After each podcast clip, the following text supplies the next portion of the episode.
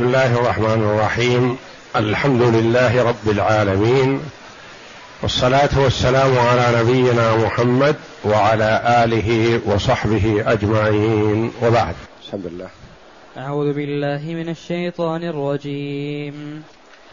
ومن حيث خرجت فول وجهك شطر المسجد الحرام وإنه للحق من ربك. وما الله بغافل عما تعملون. ومن حيث خرجت فول وجهك شطر المسجد الحرام وحيث ما كنتم فولوا وجوهكم شطرة. لئلا, يكون لن لئلا يكون للناس عليكم حجة إلا الذين ظلموا منهم. فلا تخشوهم واخشوني ولأتم نعمتي عليكم ولعلكم تهتدون. هاتان الآيتان الكريمتان من سورة البقرة. جاءتا بعد قوله جل وعلا قد نرى تقلب وجهك في السماء فلنولينك قبلة ترضاها. فول وجهك شطر المسجد الحرام وحيث ما كنتم فولوا وجوهكم شطره. وإن الذين أوتوا الكتاب ليعلمون أنه الحق من ربهم وما الله بغافل عما يعملون. الآيات بعدها إلى أن قال جل وعلا هنا ومن حيث خرجت فول وجهك شطر المسجد الحرام وإنه للحق من ربك. وما الله بغافل عما تعملون ومن حيث خرجت فول وجهك شطر المسجد الحرام وحيث ما كنتم فولوا وجوهكم شطره. الآية. هذه الآيات الكريمة في تكرار تأكيد تحويل القبلة من بيت المقدس إلى المسجد الحرام. وكما عرفنا سابقا أن النبي صلى الله عليه وسلم حينما كان بمكة يحرص على أن يصلي تجاه الكعبة وتجاه بيت المقدس. وممكن أن يجمع بينهما إذا صلى بين الركن اليماني والحجر الأسود. إذا صلى بين الركنين صارت الكعبة أمامه وبيت المقدس أمامه لأنه في جهة الشمال. فلما هاجر صلى الله عليه وسلم من مكة إلى المدينة تعذر عليه الجمع بين القبلتين.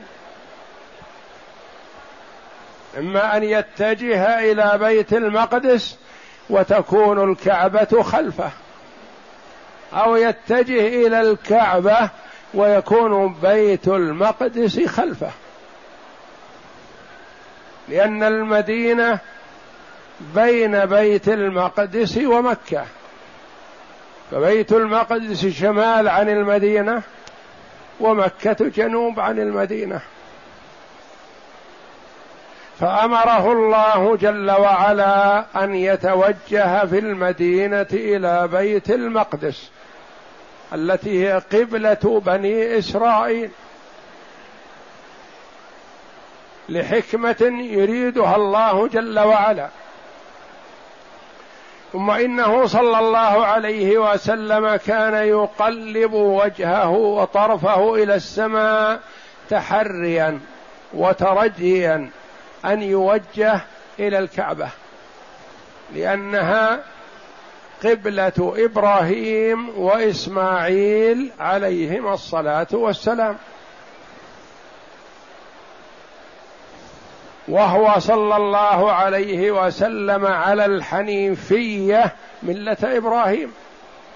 وإبراهيم أبو الأنبياء بعده لبني إسرائيل كلهم ومحمد صلى الله عليه وسلم الوحيد من ذرية إسماعيل عليهم الصلاة والسلام. فكان يتحرى ذلك ويرجو الله.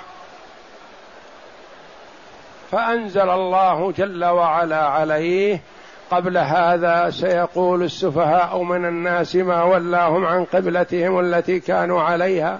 أخبر صلى أخبر الله جل وعلا بما سيكون حتى يكون من يعترض يعرف بأن الله جل وعلا قد حكم عليه. بماذا؟ بالسفه سيقول السفهاء. ثم انزل الله جل وعلا عليه قد نرى تقلب وجهك في السماء فلنولينك قبلة ترضاها. فول وجهك شطر المسجد الحرام وحيث ما كنتم فولوا وجوهكم شطره. وإن الذين أوتوا الكتاب ليعلمون أنه الحق من ربهم الآيات بعد هذا متوالية متتابعة في بيان الحق. ثم قال جل وعلا بعد آيات سبقت ومن حيث خرجت فول وجهك شطر المسجد الحرام وإنه للحق من ربك وما الله بغافل عما تعملون وما الله بغافل عما يعملون قراءتان سبعيتان. ومن حيث خرجت فول وجهك شطر المسجد الحرام وحيث ما كنتم فولوا وجوهكم شطره. كرر جل وعلا الأمر بهذا. فول وجهك شطر المسجد الحرام. ومن حيث خرجت فول وجهك شطر المسجد الحرام. ومن حيث خرجت فول وجهك شطر المسجد الحرام.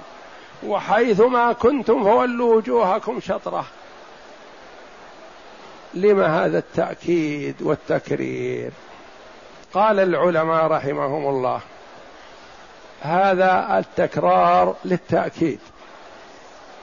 وهل المرء الأمر يتطلب التأكيد؟ نعم. وما هو الأمر الذي يتطلب التأكيد؟ قالوا أن نسخ القبلة هو أول نسخ في الشريعة الإسلامية كما روي عن ابن عباس رضي الله عنهما. نسخ القبلة من بيت المقدس إلى الكعبة أول نسخ في الشريعة الإسلامية ويتطلب التأكيد. حتى لا يكون عند الإنسان شيء من التردد. بعض العلماء رحمهم الله قال نعم هذا كذا لكن فيه أمر آخر وما هو؟ قال الأولى أمر لمن في المسجد الحرام نفسه أن يستقبل عين الكعبة. ولهذا يقول بعض العلماء أصعب جهة استقبال من كان داخل المسجد. ويخطئ كثير ممن كان داخل المسجد. وخاصة قبل تسوية البلاط هذا باتجاه إلى الكعبة. كان قبل ما كان فيه البلاط هذا الموجه. فكان بعض الناس يتجه هكذا. يجعل الكعبة على يمينه ويظن الجهة صالحة ولا تصح صلاته. ان حرف يمينا فكذلك لا تصح صلاته. كان في أقاصي المسجد في المصابيح المتأخرة يصعب عليه اتجاه القبلة إصابة القبلة.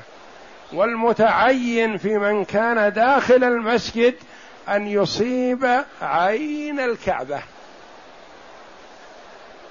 يعني يكون اتجاهه للكعبة مباشرة. إذا انحرف يمينا أو شمالا ما صحت صلاته.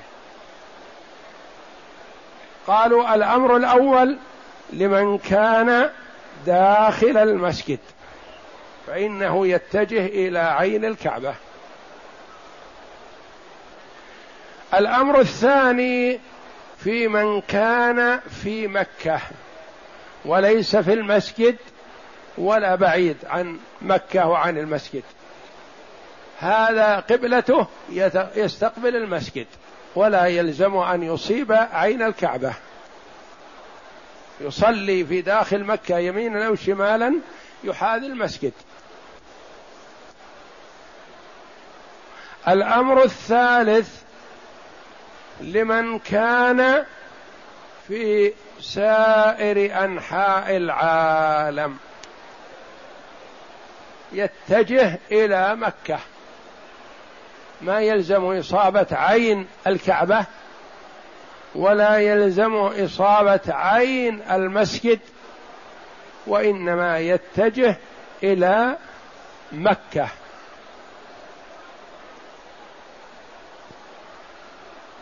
وبعضهم قال الأوامر ثلاثة الأمر الأول لمن كان في المسجد الأمر الثاني لمن كان في جميع نواحي البلدان في العالم. الأمر الثالث لمن كان في السفر. لمن كان في البراري. بعضهم قال الاتجاه هنا شطر المسجد الحرام. وحيثما كنتم فولوا وجوهكم شطرة. وحيثما كنتم فولوا وجوهكم شطرة. هذا فيه إشعار بأنه ما يلزم إصابة عين الكعبة في كل الصلوات وإنما الشطر الجهة. قد يكون المرء مثلا في أعلى الجو الطائرة. ارتفاع ملايين الأقدام يتجه إلى جهة الكعبة. من كان في جبل أبي قبيس يتجه إلى جهة الكعبة والكعبة تحت.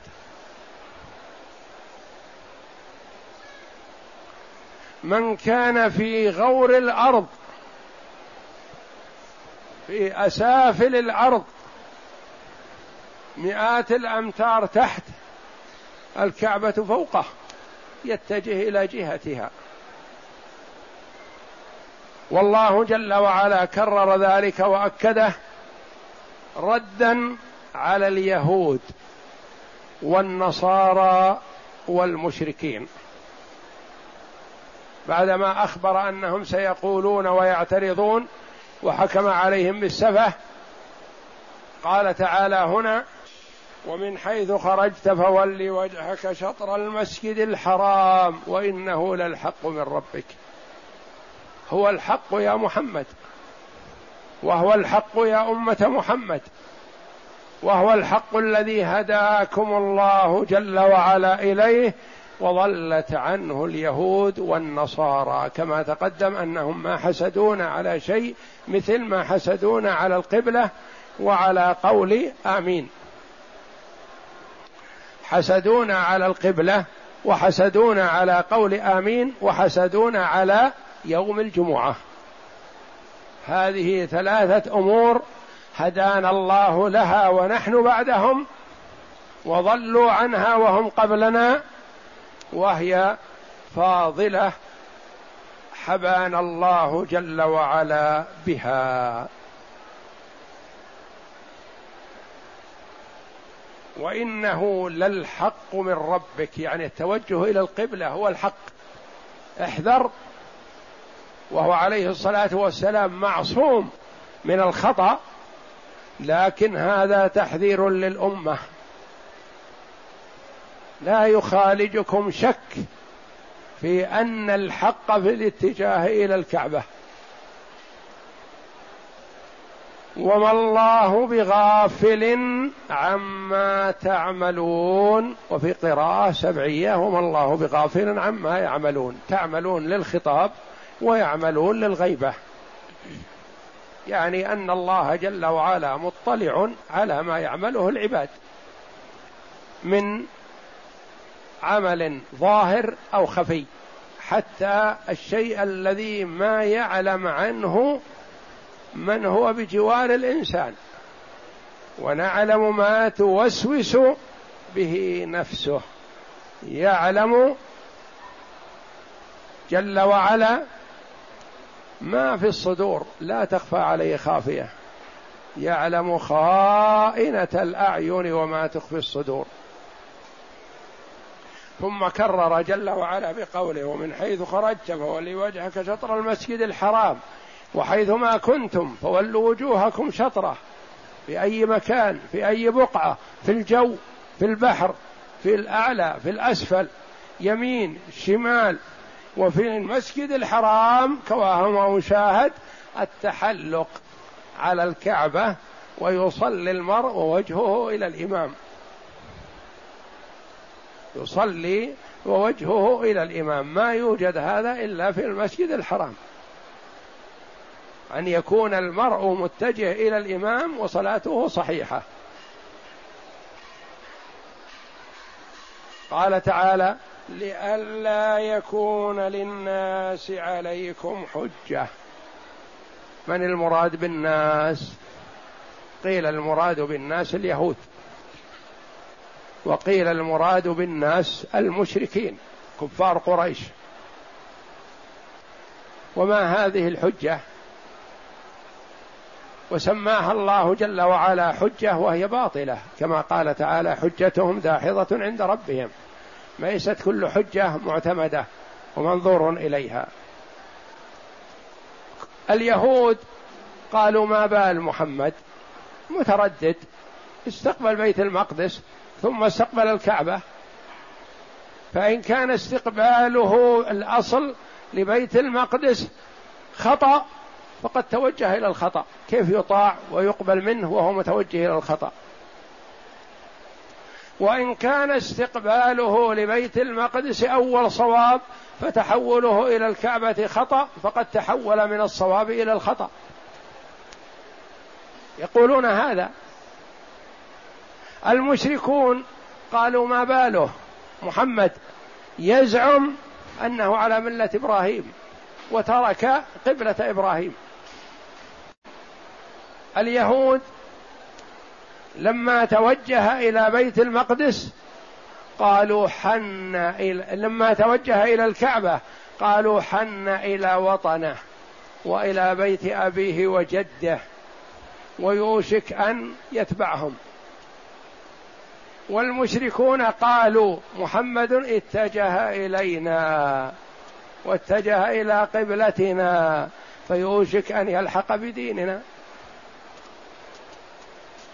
فأكد الله جل وعلا هذا بمؤكدات حتى لا يخطر على بال امرئ أدنى شك إلى الكعبة هو الحق والصواب.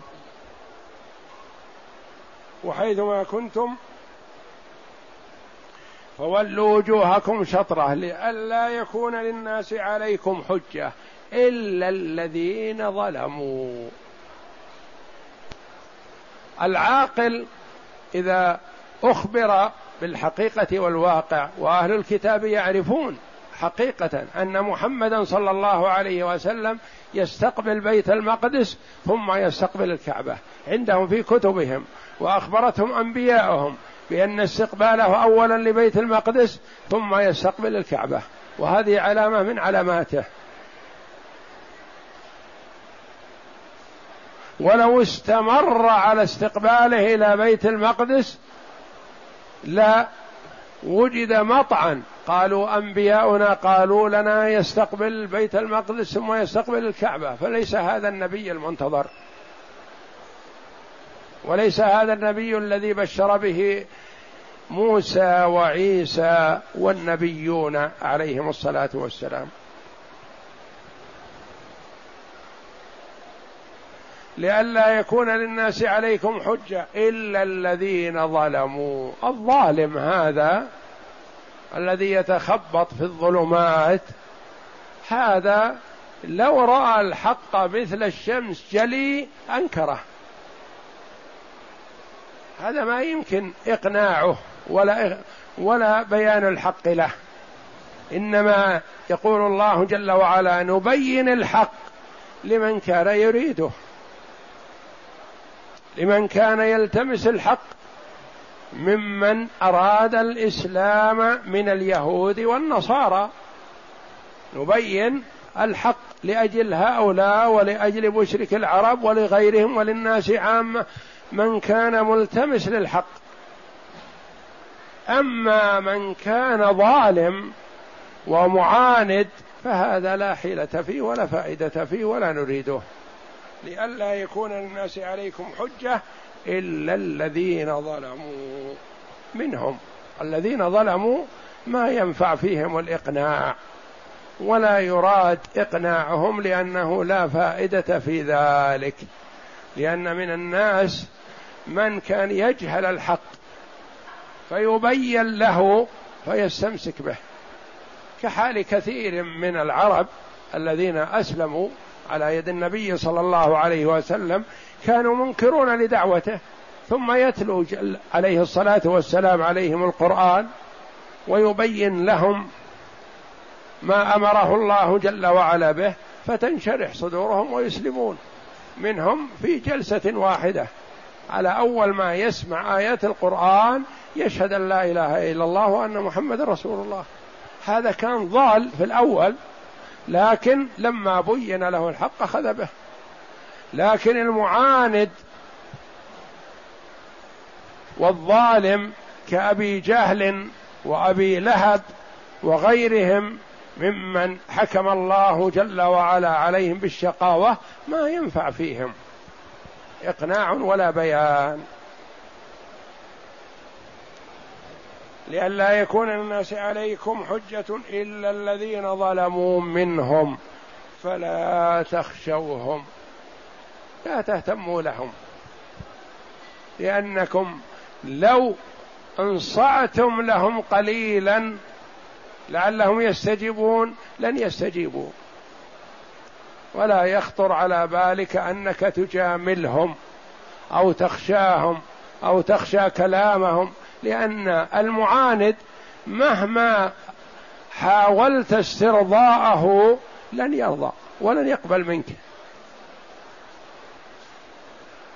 وهذا يذكرنا بموقف جعفر ابن أبي طالب رضي الله عنه وأرضاه لما سأله النجاشي عما قال له عمرو بن العاص وصاحبه لأنهم لأن عمرو بن العاص وصاحبه ذهبوا إلى الحبشة يطلبون من النجاشي أن يسلمهم المهاجرين الأولين من مكة إلى الحبشة.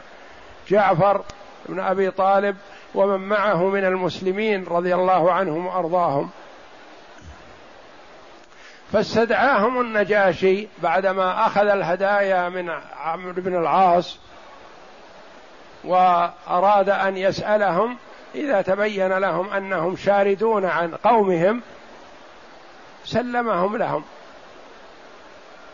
فدعاهم النجاشي وقال لهم ما شأنكم أنتم وقومكم؟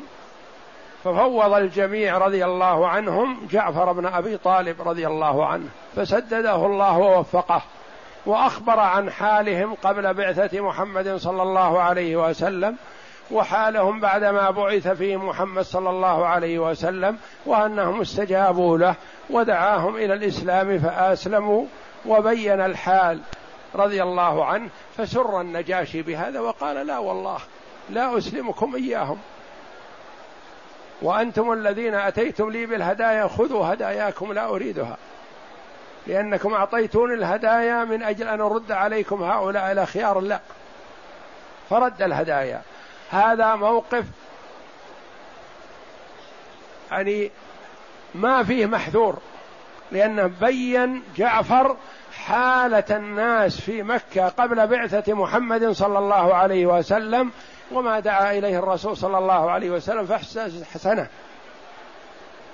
ففكر عمرو بن العاص رضي الله عنه وهو في حال كفره فكر قال تذكرت امرا يجعل النجاشي يقتلهم ما يسلمنا إياهم ولا نريدهم. إذا قتلهم يكفينا يقضي عليهم. قال له صاحب وماذا ستقول؟ قال أقول إنهم يقولون في مريم قولا شنيعا. والنجاشي ممن يعظم مريم ويعظم عيسى لأنه مسيح نصراني على النصرانية. فصبح إليه عمرو بن العاص وقال أيها الملك إنهم يقولون في عيسى وأمه أمرا عظيما تنكره أنت ومن معك. لأن منهم من يرى النصارى أن عيسى ابن الله تعالى الله ومنهم من يقول ثالث ثلاثة.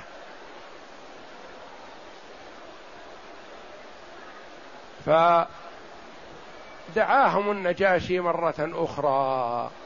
وقال إن هذا يزعم أنكم ونبيكم تقولون في عيسى ومريم قولا شنيعا. فماذا تقولون؟ فقال جعفر رضي الله عنه لصحبه لنقل ما أخبرنا به ربنا جل وعلا في كتابه العزيز وما أخبرنا به رسولنا صلى الله عليه وسلم وليكن ما يكن. نعم نتمسك بالحق وليكن ما يكن. ثم إذا قتلنا النجاشي لكوننا نقول إن عيسى نبي من الأنبياء ورسول من الرسل وعبد من عباد الله.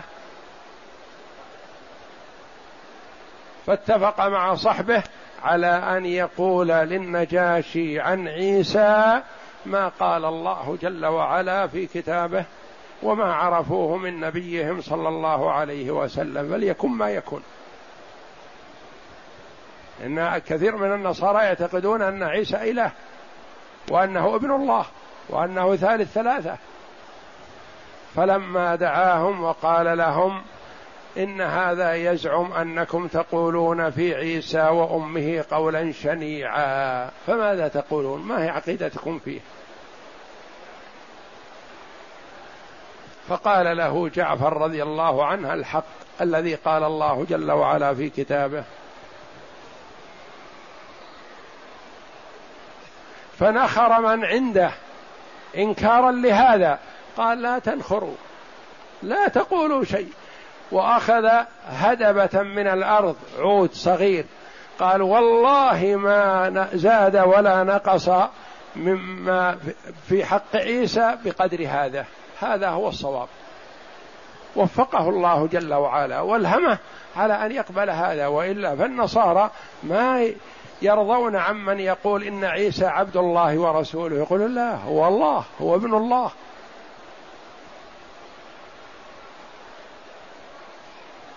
فجعفر رضي الله عنه وصحبه قالوا نقول فيه الحق الذي نعرفه ولا نجامله في هذا الموقف ونحن على بساطه ما نجامله. نقول هو ابن الله فنكفر. نقول هو ثالث ثلاثة نكفر. ولذا قال الله جل وعلا فلا تخشوهم واخشوني.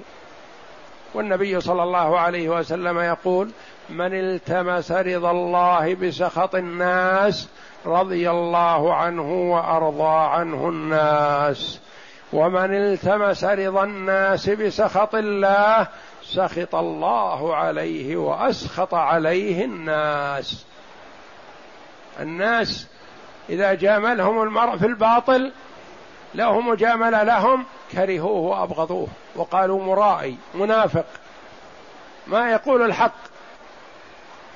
وإذا اتقى الله جل وعلا وقال الحق ولو سخط عليه أكثر الناس فإن من سخط عليه سيعود راضيا بإذن الله لأن قلوب العباد بين أصبعين من أصابع الرحمن جل وعلا. فلا تخشوهم واخشوني.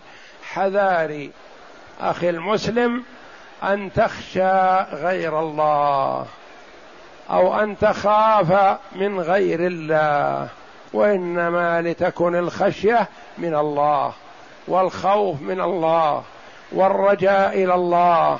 فإذا أخلص العبد وصحح ما بينه وبين الله صح ما بينه وبين الناس. وإذا أفسد ما بينه وبين الله أفسد الله ما بينه وبين الناس. فلا تخشوهم واخشوني. ولأتم اللام لام التعليل. لأتم نعمتي عليكم. كلما خشيتموني واتقيتموني أتممت عليكم نعمتي. ولأتم نعمتي عليكم ولعلكم تهتدون. إذا فعلتم ذلك وصارت خشيتكم من الله وخوفكم من الله ورجاؤكم إلى الله اهتديتم ووفقتم للصواب بإذن الله تعالى.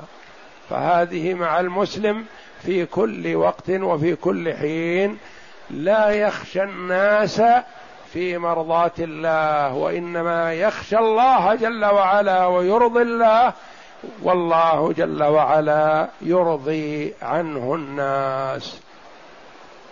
ولأتم نعمتي عليكم ولعلكم تهتدون.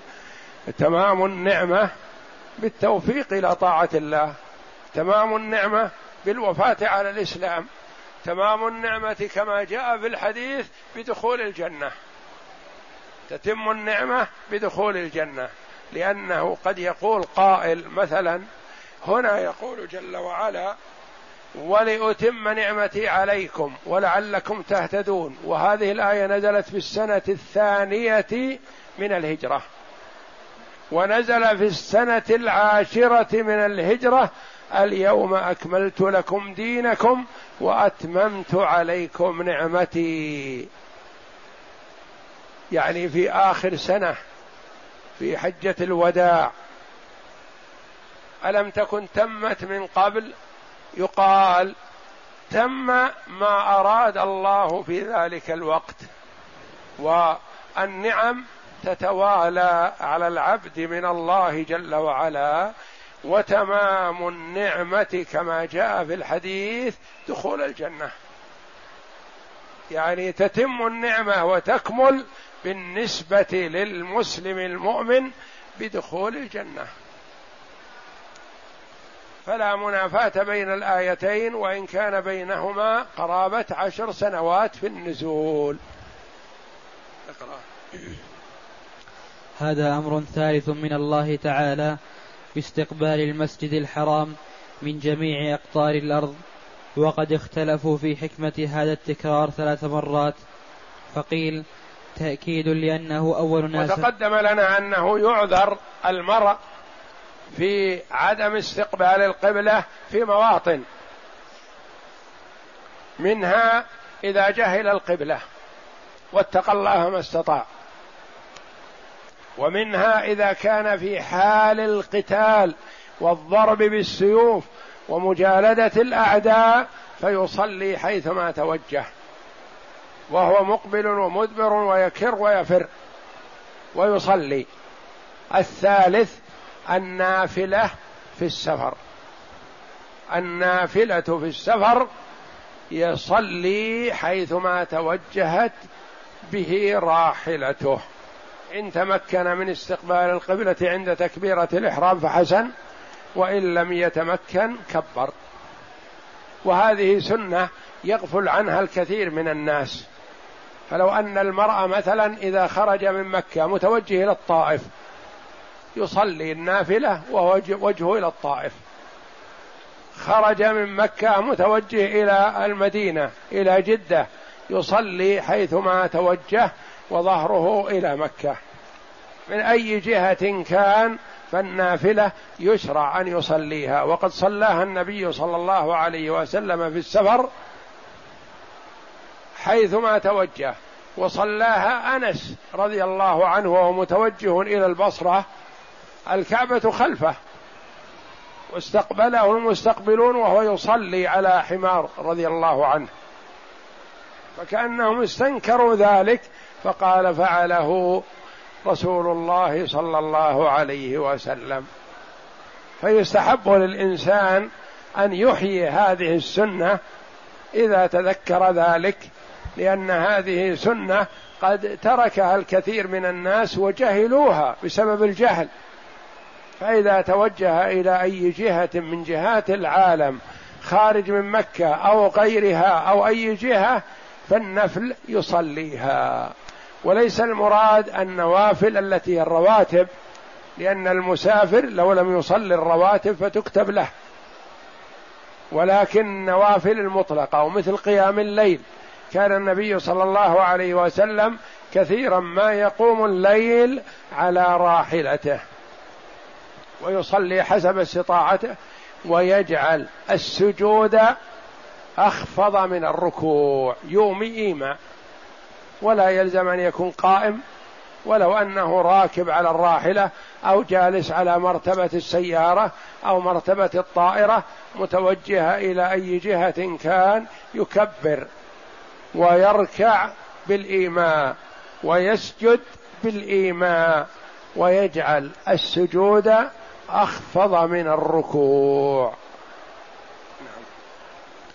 فقيل تأكيد لأنه أول ناسخ وقع في الإسلام على ما نص عليه ابن عباس وغيره. وقيل بل هو منزل على أحوال فالأمر الأول لمن هو مشاهد الكعبة والثاني لمن هو في مكة غائبا عنها والثالث لمن هو في بقية البلدان. هكذا وجهه فخر الدين الرازي. وقال القرطبي الأول لمن هو في لمن هو بمكة والثاني لمن هو في بقية الأمصار والثالث لمن خرج في الأسفار. وقيل إنما ذكر ذلك لتعلقه بما قبله أو بعده من السياق.